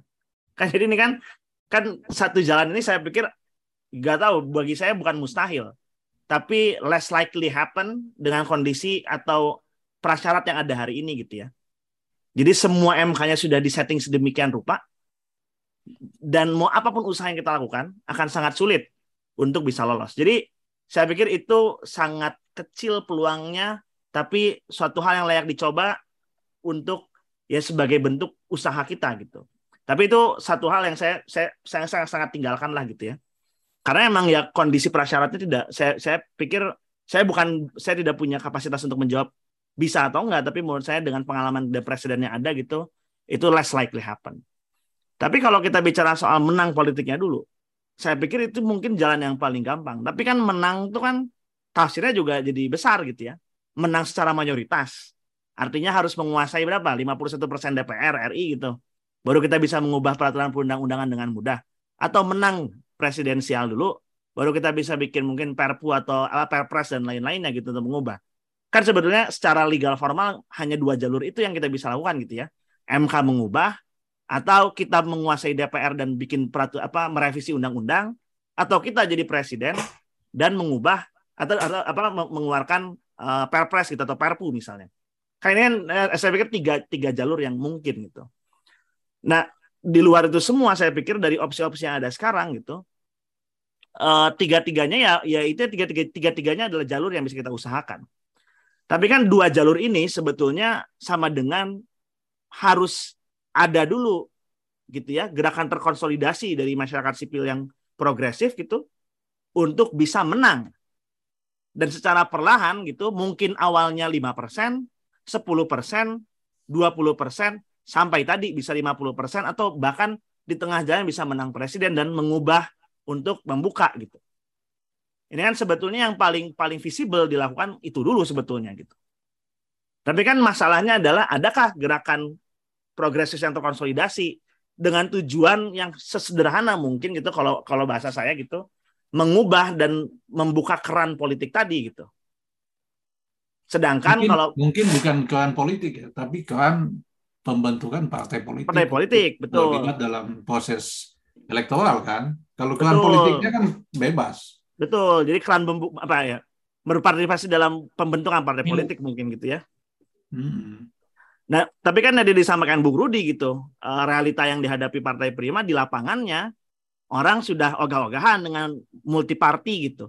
Itu juga membuat saya ini asumsi saya mungkin apa konstituennya partai hijau mungkin yang ya, ya agak berbeda gitu ya. Karena emang kita sangat niche dalam konteks itu gitu. Mungkin kalau kita lewat halawat apa halayak luas akan berasumsi ya itu mah buat menguntungin lu doang misalnya gitu. Nah ini kan jadi jadi dua hal jadi jadi chicken or egg urusan membuat partai politik eh, apa memenangkan partai politik progresif dan membuka keran untuk membuat partai politik seluas-luasnya. Itu ada chicken or egg pertama. Chicken or egg kedua adalah kalau kita membawa wacana ini di awal apakah ini bisa menjadi wacana yang diterima oleh halayak luas dan memenangkan agenda publiknya? Atau ini adalah agenda terselubung dalam tanda kutip gitu ya saat kita menang dan dapat posisi kita ubah di sana gitu. Kan ini juga maksudnya perlu dilihat dalam konteks itu gitu karena tadi konteks masyarakatnya melihat ah ya ini saya pernah gitu ya ini ini pengalaman pribadi di partai hijau gitu kita pernah iklan di Facebook jadi salah satu strategi Partai Hijau itu untuk nambah anggota tuh kita iklan di Facebook. Saya iklan di Facebook, blast ke berbagai macam orang gitu ya. Dan jawaban komen di kolom komentar kita itu, mayoritasnya akan selalu jawab yang sama. Apa yang dibetul dengan bilang buru di gitu. Buat apa sih ada partai baru lagi? Nambah-nambah pusing aja misalnya. Ngapain sih lu bikin partai baru lagi? Ah, pasti nggak akan bedanya lah kalau udah kepilih mah sama aja kayak partai yang lain misalnya. Kan artinya secara wacana publik gitu ya, imajinasi soal memperbanyak partai politik itu untuk publik yang saya pikir hal yang luas itu konstituen uh, yang nanti memilih di apa pemilu gitu itu nggak relevan gitu. Jadi agak sulit juga kalau itu dijadiin satu wacana yang didorong seluas-luasnya sebagai message kampanye atau tone kampanye. Tapi sebagai perjuangan saya pikir itu yang harusnya kita sepakati bersama dalam konteks politik saat kita berkonsolidasi dan saat kita bisa anggaplah tidak menang tapi punya suara di DPR, itu yang harusnya menjadi salah satu agenda utama yang mungkin secara pelan-pelan bisa mengajak anggota yang lain. Karena saya pikir gini, ini saya saya ini sangat sederhana lah. Saya pikir teman-teman di dalam pun gitu ya, yang kelompok kiri apa kelompok kanan tadi gitu, kanan atau konservatif atau apa pun juga punya ekspektasi yang sama gitu dengan kita. Hmm. Ini bukan cuma cita-cita kelompok progresif dan kiri loh. Kalau ini kan kalau cita-cita semua orang gitu. Anggaplah dua satu dua gitu ya dengan masa yang sebanyak itu aja nggak jadi partai politik gitu. Kan berarti kan mereka aja kesulitan untuk bikin partai politik gitu. Nah kalau ini dibuka gitu, kita ajak kayak kita buka bareng. Lu nih yang tadinya dianggaplah PDIP, lu di Demokrat segala macam bisa semudah mungkin bikin partai politik, bisa lu semudah mungkin ikut apa namanya di, di tingkat lokal dan lain-lainnya. Gimana? Apakah mau gabung? Saya pikir itu yang mungkin bisa kita dorong gitu ya. Bahwa ini bukan wacana kelompok progresif doang gitu. Hmm. Ini wacana semua orang yang sebetulnya ingin berpartisipasi aktif dalam uh, pengambilan keputusan di DPR, DPRD, bahkan untuk bisa mempermudah kita semua untuk maju jadi anggota DPR, apa wali kota, gubernur dan seterusnya. Saya pikir itu jadi maksudnya chicken or egg di situ yang yang kita perlu jawab. Tidak, saya saya tidak lewat MK dan lainnya karena itu sudah by design memang dibikin sangat sulit dan sangat tidak mungkin. Tapi mungkin dengan cara tadi menang punya kedudukan mengajak yang lain gitu. Yang sama saya pikir ini masalah semua orang, bukan masalah kelompok kiri progresif doang gitu. Oke, Lido ada Ya emang emang pada dasarnya uh, di tengah keterbatasan kita, kita yang ada memang harus ada cantolan partai uh, dari teman-teman yang sudah ber, berinovasi dan berhasil untuk memenangkan posisinya dalam posisi elektoral gitu kayak teman-teman di Prima dan juga Allah, uh, seperti juga di Partai Buruh yang mencoba untuk masuk ya ya kita dorong mereka untuk ini.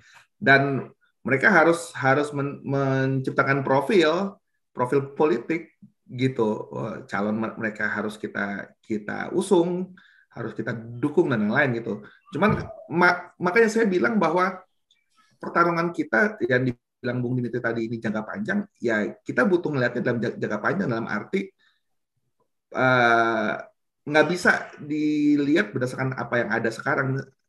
Karena begini, problem kenapa sinisme masyarakat begitu uh, kuat juga terkait sama partai politik, ya karena nggak ada bantahan intelektual tentang itu, nggak ada kontra hegemoninya.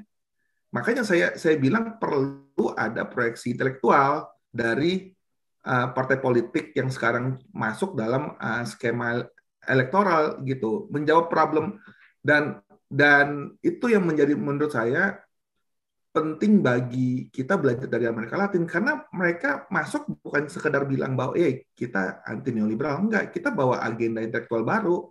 Si Evo Morales bilang dia protection of the mother earth. Si siapa? Chavez bilang sosialisme di abad 21 si siapa? Uh, Rafael Korea bilang buen vivir. Yang sebenarnya adalah proyeksi intelektual yang kalau pakai istilahnya Bung Rudi adalah narasi baru gitu. Cuman yang kenapa saya bilang bahwa penting untuk punya mempertahankan karakteristik kiri karena semua narasi ini punya benang merahnya tentang agenda demokrasi gitu agenda demokrasi yang yang nggak nggak nggak bakal dipunyai sama uh, kelompok-kelompok atau kekuatan politik di selain kiri gitu loh. Karena komitmen terhadap demo, demokrasi ini yang kemudian harus diamplifikasi. Dan saya pikir kalau kita punya komitmen itu, di situlah eh, eh, salah satu turunannya ya tentu adalah tentang perluasan atau um, mempermudah uh, apa sistem kepartaian karena itu bertentangan dengan semangat demokrasi yang memungkinkan semua orang untuk bisa terlibat dalam kontestasi politik gitu loh. Jadi uh, ya saya setuju yang dikemukakan oleh Bung uh, Dimitri dan Bung Rudi gitu.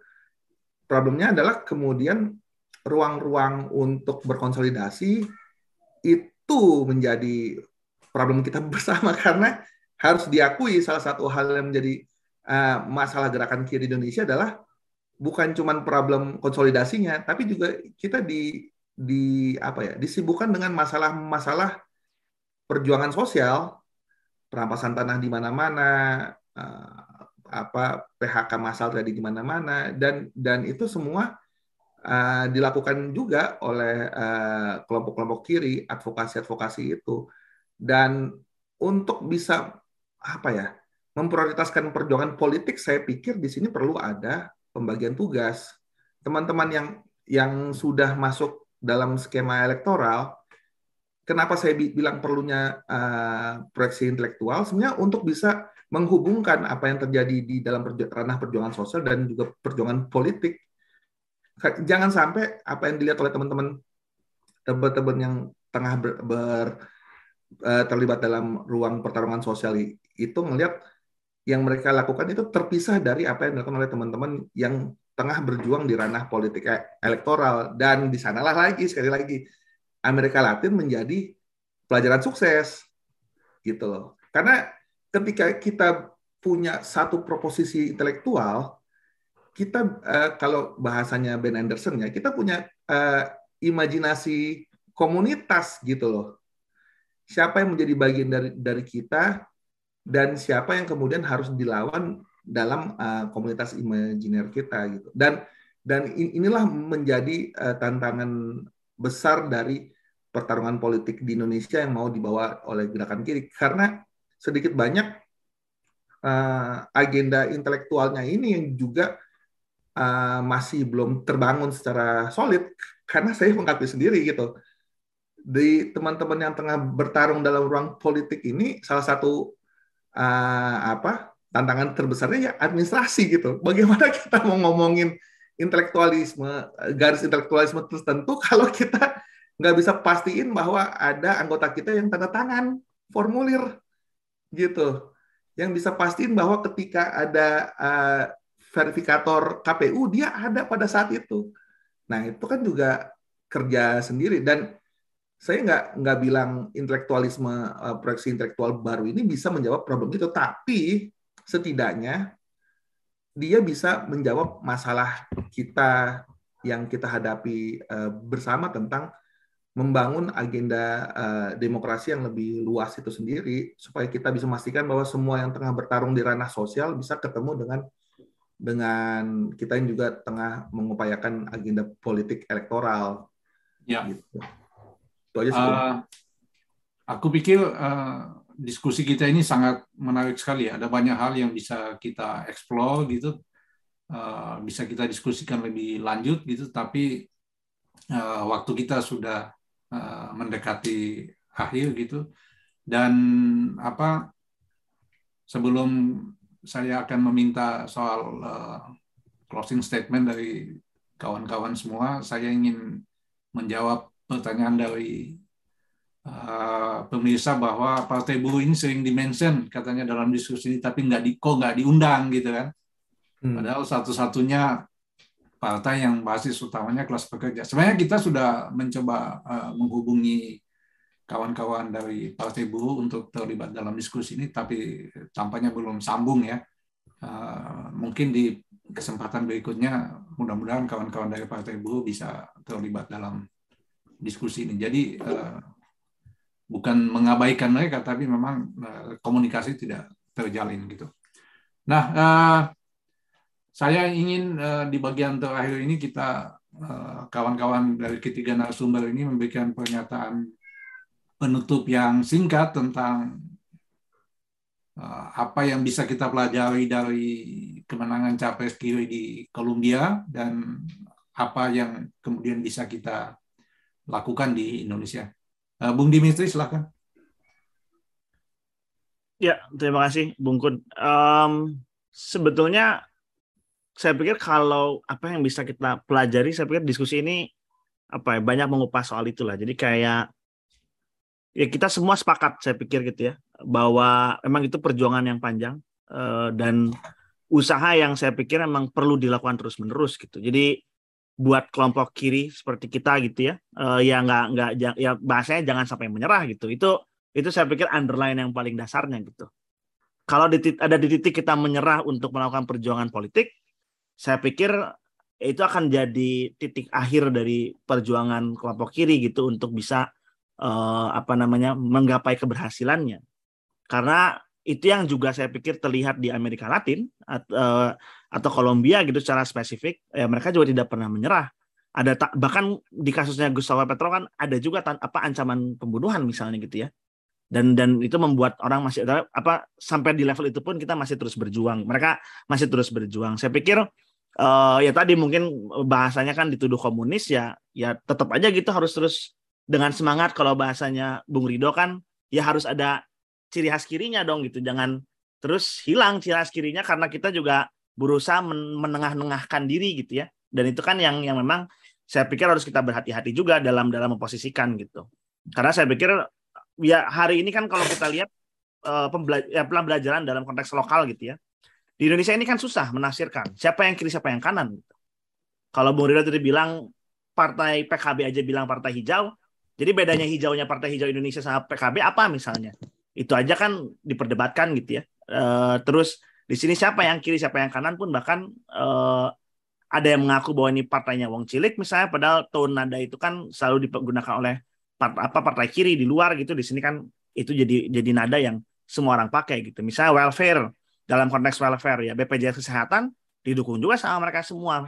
Dalam konteks itu di di saya pikir di Amerika Latin atau di negara lain kan itu malah ya kalau lu posisinya kanan clear gitu menolak menolak penuh terhadap pemberian apa namanya um, pemberian uh, entitlement untuk publik misalnya. Jadi kayak pembelajaran di sini menurut saya memang perlu dipertajam gitu ya uh, narasi-narasi kita soal tadi saya pikir yang paling sederhana intelektualitas gitu.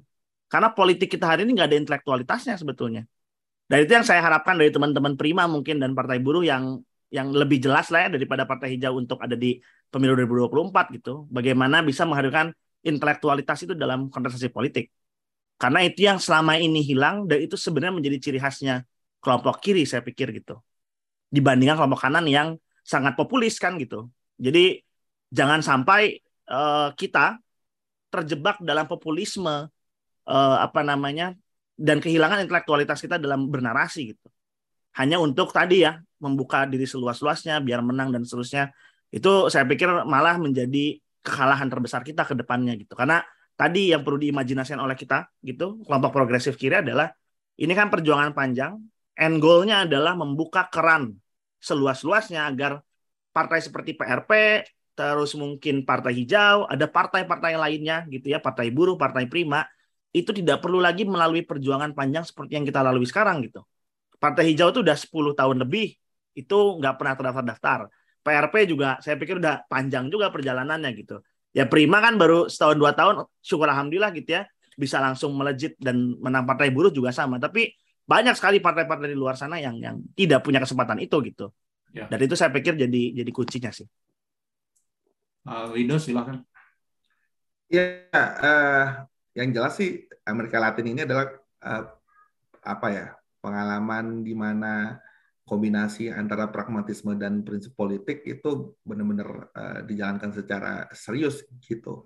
Pragmatisme dalam arti dia membuka seluas mungkin uh, posisi mereka untuk bisa diterima oleh publik lebih luas, membuka se seluas mungkin uh, bernegosiasi, memoderasi untuk agenda-agenda agenda-agenda program yang dianggap bisa dinegosiasikan. Tapi di sisi lain, ya ini adalah uh, tentang saat uh, dilakukan dalam rangka memajukan satu prinsip politik tertentu yaitu tentang partisipasi publik gitu. Partisipasi publiknya itu bahkan bukan bukan sesuatu yang abstrak. Publik itu dalam arti kelas pekerja gitu loh. Mereka yang dimarginalisasi oleh sistem mereka yang selama ini dipinggirkan oleh keadaan itu yang di sebenarnya diupayakan untuk bisa di, dimenangkan dalam uh, kekuasaan yang mereka tengah usung gitu loh. Makanya dari semua semua pengalaman selalu ada kontradiksi gitu. Lula itu dianggap eh, ya, agen neoliberal gitu. Tapi di sisi lain dia uh, memungkinkan kebijakannya uh, apa kelompok-kelompok miskin itu bisa terlibat dalam politik luas karena ada yang namanya bolsa familia, ada bantuan sosial yang memungkinkan mereka untuk terlibat dalam uh, apa uh, partisipasi gitu. Dan dan saya saya pikir itulah yang, seharusnya kalau uh, kita mulai serius dalam berpolitik elektoral yaitu menjadi titik refleksi yang penting gitu. Walaupun tentu yang di Bung bilang Bung Dimitri itu kita juga harus serius juga untuk bisa menghancurkan uh, keterbatasan ruang politik yang ada sekarang. Karena ketika kita nggak bisa merubah ini secara dramatis, udah pasti eh, keluhan-keluhan yang biasa terbit setiap lima tahun sekali akan muncul terus gitu loh. Jadi ya menurut saya pelajaran Amerika Latin itu itu uh, kalau pakai bahasa yang lebih Marxis ya adalah dialektika antara prinsip dan pragmatisme gitu. Itu aja sih, Bung. Ya. Oke. Okay. Uh, eh, Bung Rudi silahkan. Ya, Uh, saya mungkin mewakili eh, teman-teman uh, dari Partai Prima berharap bahwa uh, ada keterhubungan antara apa yang diperjuangkan oleh Partai Prima dengan gerakan kiri maupun gerakan sosial secara luas.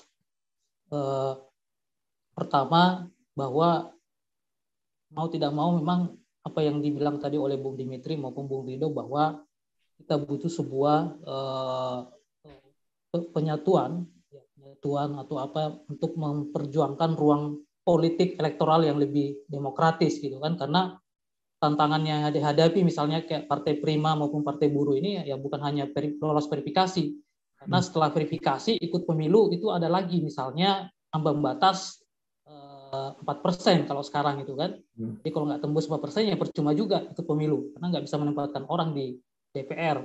Terus setelah itu ada lagi ambang batas pencalonan presiden yang mensyaratkan harus 20 persen suara hmm. kalau nggak salah 22 persen kursi di DPR. Jadi ada banyak rintangan uh, elektoral yang membuat sistem pemilu kita sebetulnya sangat tidak demokratis yang uh, menurut kami ya memang sudah sudah harus menjadi agenda mendesak bagi kaum uh, apa gerakan sosial maupun gerakan kiri yang punya uh, visi untuk menciptakan uh, apa uh, bermimpi untuk membuat sebuah perubahan politik ya memperjuangkan ruang elektoral yang lebih demokratis. Yang kedua, uh, kita berharap juga dukungan intelektual, dukungan gagasan, terutama untuk menguji gagasan-gagasan yang diperjuangkan oleh kawan-kawan prima misalnya soal pajak, soal reforma agraria, soal apa sistem apa demokrasi kerakyatan dan lain-lain itu. Karena bagaimanapun Prima ini kan cerminan dari atau representasi yang dianggap representasi dari kiri di ruang elektoral. Jadi eh, program-programnya ya sebisa mungkin itu juga lebih lebih kaya gitu kan, lebih lebih menarik lah bagi apa sebagai representasi dari kiri. Yang ketiga ya mungkin eh, bisa apa ada dukungan yang yang sifatnya langsung, terutama misalnya yang yang eh, yang apa namanya yang eh, berkaitan dengan agenda elektoral prima misalnya. Jadi kalau di prima itu eh, kita punya forum di akar rumput yang disebut dengan majelis rakyat gitu kan. Jadi semacam eh, rapat-rapat umum di tingkat bawah yang itu kita harapkan menjadi forum pengambilan keputusan yang demokratis. Jadi misalnya kita perspektifnya nanti pengajuan caleg itu pun itu diputuskan dari bawah. Jadi caleg-caleg yang diusung misalnya dari apakah itu representasi kan pencalekan itu kan tidak harus orang yang sudah eh, apa namanya eh, pejabat tinggi di Prima, tapi bisa representasi dari eh, akar rumput gitu kan, termasuk dari gerakan sosial. Jadi saya pikir itu bisa menjadi ruang kolaborasi, misalnya ya Partai Prima di di daerah mana gitu kan, Partai Prima di daerah mana yang ada hmm. eh, apa eh, keterkaitan yang gerakan sosial atau teman-teman gerakan itu untuk dia membuat kolaborasi-kolaborasi untuk memenangkan lebih banyak ruang politik dan eh, agenda-agenda kerakyatan di ruang elektoral. Saya pikir itu. Ya, uh, terima kasih banyak Bung Bertiga. Saya kira ini diskusi yang sangat menarik, sangat uh, saya tidak pesimis sebenarnya ya dengan apa yang sudah dijelaskan tadi. Justru saya sangat pesimis, sangat sorry, sangat optimis bahwa Eh, ke depan kita bisa eh, melakukan lebih banyak hal lagi dengan lebih baik karena ya rakyat itu kalau dia sudah lapar, dia sudah tidak bisa sekolah, dia sudah tidak bisa berobat itu tidak ada tidak bisa lagi ditahan-tahan dengan dogma, tidak bisa lagi tahan-tahan dengan propaganda gitu ya. Pasti dia akan bergerak. Hanya saja apakah dia punya alat atau tidak gitu ya alat politiknya cukup atau tidak. Nah, ini yang yang menurut saya penting sekali dan kita sebenarnya sebenarnya sekarang ada dalam posisi itu gitu. Ya, cuma ya kita masih perlu lagi membenahi dan memperkuat apa-apa yang sudah kita uh, usahakan bersama. Nah, uh, saya ingin mengucapkan terima kasih kepada Bung uh, Muhammad Ridho dari Partai Rakyat Pekerja, Bung Dimitri Putra dari Partai Hijau Indonesia, dan Bung Rudi Hartono dari Partai Prima yang telah uh, bergabung dalam diskusi ini. Mudah-mudahan kita bisa uh, berdiskusi lebih lanjut di kesempatan berikutnya karena ada banyak hal yang bisa kita uh, apa diskusikan lagi. Saya berharap nanti Indo Progress bisa bikin forum partai lah ya dari forum partai alternatif gitu atau partai-partai progresif gitu sehingga kita bisa agendakan diskusi bulanan tentang topik-topik yang saat tadi sudah disampaikan apakah itu ya, proyek intelektual, terus kemudian diskusi tentang kebijakan, terus kolaborasi politik, dan uh, masih banyak hal yang bisa kita diskusikan bersama. Jadi uh, sekali lagi terima kasih kepada Bung Bertiga uh, dan uh, kepada pemirsa Indo Progress. Uh, terima kasih sudah bergabung dan sudah menikmati diskusi ini. Semoga ini memberikan uh, tambahan tambahan wawasan pengetahuan bersama dan bisa kita diskusikan di komunitas atau di tempat di mana kita berada. Sekali lagi terima kasih, sampai jumpa di forum Indo Progress berikutnya. Salam.